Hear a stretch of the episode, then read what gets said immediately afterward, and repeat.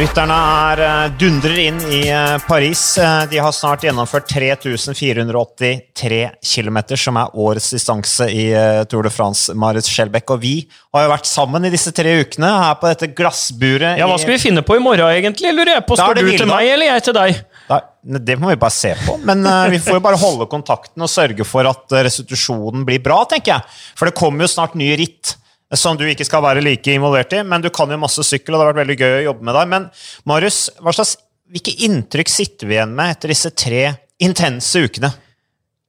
For det første så er det jo alltid litt rart å oppsummere noe som ennå ikke er omme, men eh, sånn er det jo bare nå. På mange måter så er jo bare etappen eh, til Paris en sjarmøretappe før det eksploderer. Så hvis Edvald skulle ta sin, eh, sin eh, største triumf i karrieren i dag, da, så virker det kanskje litt rart å sitte her, men la nå det være eh, som det er.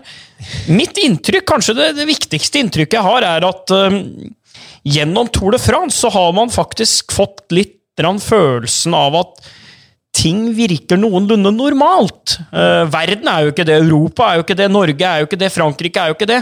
Men jeg tror at uh, for å trekke de store linjene, så tror jeg at det innimellom er litt uh, viktig for folk å, å kunne se på idrett, kunne se på sport, kunne eh, le og gråte litt og, og være litt vanlige. For eh, 2020 har vært et helvete, et kjempehelvete for mange mennesker. Eh, og Tour de France har i hvert fall brakt litt glede inn i hverdagen. Det, det tror jeg veldig mange har følt på. Ja, Torn har jo til de grader rullet videre eh, med alle sine tumulter og sensasjoner og i det hele tatt drama, ikke minst. Eh, du er jo veldig glad i de store ord, Marius. Det er liksom erfaring jeg har med deg, at du Ja. trekker de store linjene. Ja. Og det er veldig gøy, for jeg er litt sånn opptatt av liksom de små ting. Ja. Eh, statistikken, de nerdete tingene. Eh, og det er veldig godt å få balansert det litt. Ja, det tror jeg, Ellers så blir det veldig snevert, altså. rett Ja. og slett. Eh, Men Tour de France er jo litt sånn symbolet på at verden går videre. Ja. Og det har på en måte vært målsettingen med Tour de France hele veien. det. Sånn som når de sendte Tour de France motsatt vei av klokka etter første verdenskrig, nettopp for å symbolisere at verden går videre. Og sånn sett, i covid-19-pandemien, så har jo det vært litt sånn symbol. Og covid-19 er jo noe vi må leve med sannsynligvis en god stund. Så da tenker jeg det er flott at sykkel går foran som et godt eksempel, og annen idrett også, for så vidt. Det er mulig, vi må bare leve med det. Men det rent sportslige, Marius. øh, hva er Vi hadde jo en liten gjennomgang av det tidligere på dagens sending på TV. Det største øyeblikket. Da trakk du fram Kwiakowski, Kwiatkowski, som da vant foran Carapaz. Disse Ineos-gutta var jo Ineos som vant den etappen, egentlig. Mer enn Kwiatkowski. Det var ditt valg da. Eh, er det noen andre store øyeblikk du tenker på? Hvorfor akkurat det? Ja, så det med øyeblikk er jo øh, Hva skal jeg si? Veldig sånn individuelt. For det trenger jo ikke å være den øh, største triumfen, det største nederlaget. Det er ofte sånne småting som du stopper opp ved. Det er for meg et øyeblikk. Eh, litt som da eh, kjedet til Andy Schleck røyk og Contador stakk. ikke sant? Det er et øyeblikk. Det er jo langt fra det viktigste, største som, som har skjedd i Tor-historien, men det er et sånt øyeblikk som du aldri glemmer. Det var litt det Ineos-bildet for meg.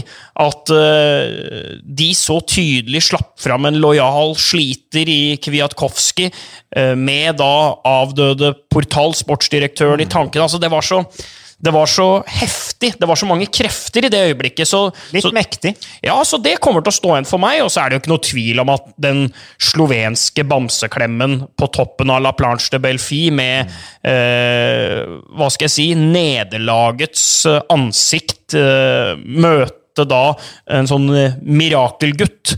Eh, da Primoz Roglic reiste seg, viste storhet og, og, og klappet en, eh, sikkert en god venn også, eh, på skuldra og sa dette fortjente du faen meg. Jammen meg for en tempoetappe.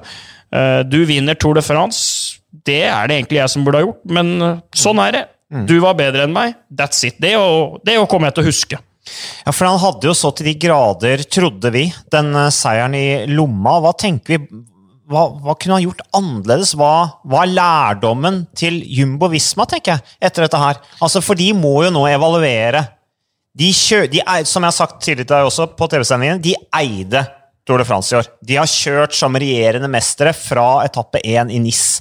De var de store favorittene, og kjørte som favoritter òg. Alle snakket om det som desidert beste laget. Ingen tvil om at de var det. Men så rakner det fullstendig da på den siste etappen, uten at Roglic leverer en dårlig prestasjon. Nei. Han blir jo nummer fem Ja. på etappen. Det er tre Jumbo Vis- Jumbo Men til, til han å være uh, med de forventningene, uh, med det utgangspunktet, med alt som lå i potten, så var det jo en total kollaps. Uh, at det var en elendig prestasjon, vel, det er Det kan man sikkert finne argumenter for at det ikke skal være, men det var en, eh, det var en kjempekollaps og et, eh, et gigantisk fall. Eh, og det kommer til å hefte ved ham som idrettsmann. Sånn er det bare. til den dagen han slutter å sykle. Uansett så vil det der stå igjen som dagen da alt rakna for Primoz Roglic. Det føler jeg meg ganske sikker på. Ja, det var et enormt sykkeløyeblikk. Et Ja, det det. sykkeløyeblikk for historien. ikke Ja, ja. sant? Og denne, denne tempoetappen som vi egentlig liksom grua oss til bare, åh, skal vi, den, Det blir kjedelig med en sånn tempoetappe, og det er ikke noe, det er ikke noe man liksom får gåsehud av. Men så ble det jo så til de grader eh, Og, og så smart av arrangøren, for nå må du ha sett det her, her for n-te gang. Disse lange, flate tempoene, kanskje allerede ut i uke to, eller, eller i uke én, den tida er forbi. Det er ikke tilpassa 2020, den spenninga og øh, det som idretten krever. For det krever at det er tett, det krever at det er jevnt. Og over 21 etapper så er det nesten umulig å kreve at noe skal bli jevnt. Men da må man i hvert fall tilpasse hele veien for at det skal være det. Og det føler jeg at de har gjort ganske bra i år, fordi at den tempoen var noe annerledes. Det var eh, en sånn potensiell coinflip, og det viste det seg å være. Utrolig nok. Bravo eh, fra meg, og drit i alle mulige sånne lange tempoetapper eh, som er tilpassa eh, tempospesialistene, som jeg tror vil skille for mye. Og jeg tror Det dreper ikke. Ja, altså Til en viss grad. Og en Ja, annen ting som er ut, da. ikke liksom Lavt kaste- Ja, ja, ja på en måte. Vi, vi må ikke kaste alle tradisjonene på bålet. Men eh, idrett forandrer seg jo, og strukturen i idrett forandrer seg jo. Eh, og det føler jeg egentlig årets Tour de France har vist også, der eh, kanskje en rytter som à la Philippe bana litt vei, både i forfjor og i fjor, så ser vi at det er litt den type ryttere som har fått lov å skinne kanskje enda klarere i årets Tour. da. Unge, eh, kjøresterke, modige, respektløse ryttere som får sjansen, griper dem, og egentlig viser litt sånn 360 grader fuck you til alle mulige uskrevne regler om hvordan sykkelen ditt skal vinne. Se på Hirschi, for eksempel. Se på Pogacar. Nei, det, det syns jeg har vært strålende. Det, det må jeg si. Jeg syns det har vært en fantastisk tour. Det er jo litt artig, da. Jeg bare ser på en overskrift her fra 11. juli i Velo News. Søren Krag Andersen, jeg må jo ikke Ja. glemme han. Og må ikke glemme Kemna heller. Nei. Eh, nå kan du ta overskriften. Og. Bernal som vant i fjor. For all. Bernal er den fjerde yngste Tour de France-vinneren i historien. Pogasjar er den nest yngste Tour de France-vinneren i historien. og Det er jo da på to på rad at de gutta klatrer såpass på den statistikken. Som jo da stammer helt tilbake til da 1904, hvor da var en 19-åring som vant Tour de France. Men eh, jo, bare tilbake til det jeg var inne på her. Overskriften fra 11. juli i Velo News. Der står det altså Aro skal da lede UAE i Tour de France. Pogacar har frihet til å kjøre for egne sjanser. Uten press skal primært eh, opparbeide seg erfaring. Det blir jo en god erfaring, kan vi konkludere med. Ja, det vil jeg si. Uh, men uh, det blir jo tøft for uh, Pogacar Poga òg. Eh, Bernal i fjor. eh, vi må jo si at det jo er noe av eh, det jeg kommer til å sitte igjen med i år. Det er jo at eh, et sykkelimperium eh, er blitt styrtet. Mm. og kanskje var det presset på Bernal for tøft. Ja, den ryggen og de beina, og den ene beinen er lengre enn den andre, osv. Men det var det jo i fjor òg. Det er jo ikke sånn at høyrebeinet til Bernal har vokst 10 cm fra slutten av juli i fjor til september i år. Vi får jo håpe det slutt, er slutta av voks, i så fall. Ja, men det er jo, det er jo tydelig at eh, ja, det var en skade i kriterium og greier, men eh, taktikken, strategien og gjennomføringa til Team Ineos, eh, den har vært eh, for dårlig. De har vært for dårlig forberedt. De har hatt ryttere som ikke har vært i form, og hvem som har skylda for det, det er for så vidt ett fett for meg, men her tror jeg at uh, sir Dave, da, uh, sykkelsportens uh, queen Elizabeth, han kommer til å ha Eller Winston Churchill? Ja, eller Winston Churchill. Kanskje nærmere sir Winston, egentlig. Jeg tror det. For en taler. I mine øyne kanskje den For han er jo en duer, tross alt. da. Han Ja. er jo praktisk anlagt. Det er Ja. ikke Elisabeth Nei, og, i like stor grad. Nei, nei han, det er jo litt sånn annet De har jo litt forskjellige roller, men, men Winston Churchill han kan jo alt om å falle, reise seg, falle, reise seg. Eh, han var jo en hoggestabbe eh, etter første verdenskrig. Han ble degradert i, eh, i eh, ministeriet. Eh, han var mer eh, sett på som en slags parodi. En eh, tørst, mislykket krigsmann. Ja. Men så blei han symbolet på fred i Europa, og en stor mann. Men enda sykere, han tapte faktisk valget etter andre verdenskrig. Glem ikke det, det er det mange som ikke veit, men han tapte faktisk valget etter Det, det andre gjorde han, verdenskrig. han ble jo en gammel mann nå, uh, ute av stand til egentlig kanskje forsvare posisjonen sin. Men uh, jeg føler at Dave Beresford har alt det i seg. Han er en stor taler, Brailsford òg, og, en, eh, og en fet fyr. Jeg liker sir Dave. Ja Han får ting gjort, så det skal bli spennende å se på, på deg. Vi skal ikke holde på så veldig mye lenger, Marius, for vi må få med oss finalen her på Champs-Élysées. Og sånn sett så er det litt vanskelig å konkludere med om Tour de France har vært en suksess for Alexander Kristoff og Edvard Boasson Hagen. For Kristoff så kan vi konkludere med det en en kjempesuksess. kjempesuksess. Eh, kanskje hans øh, beste tour noensinne. Ikke i form av antall plasseringer eh, på topp ti, men i, i kraft av at han vinner den første etappen, kjører seg inn i gult, uh, har sykla på et lag som vinner Tour de France, pengene inn på konto, tjo og hei.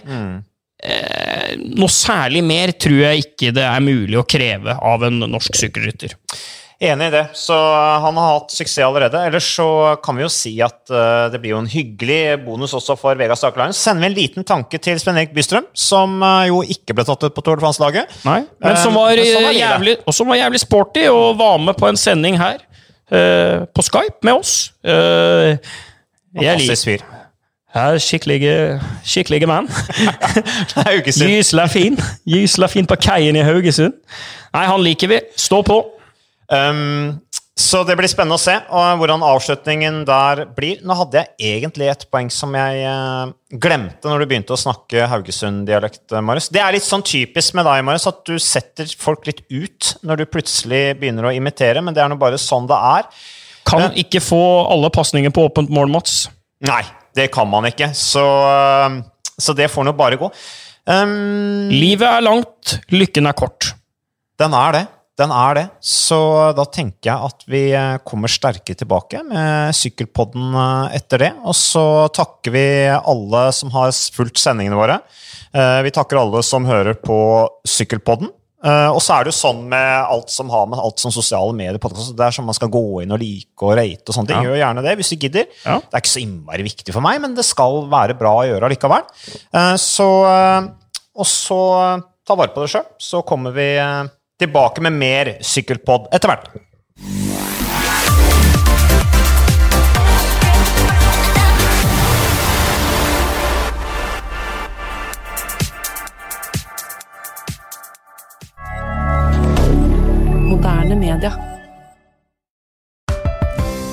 Her er en liten quiz om HMS. Å nei, ikke HMS. Der er jeg helt grønn. Ja, men der har du jo svaret! Grønn jobb er bedriftshelsetjenesten tilpasset mindre bedrifter.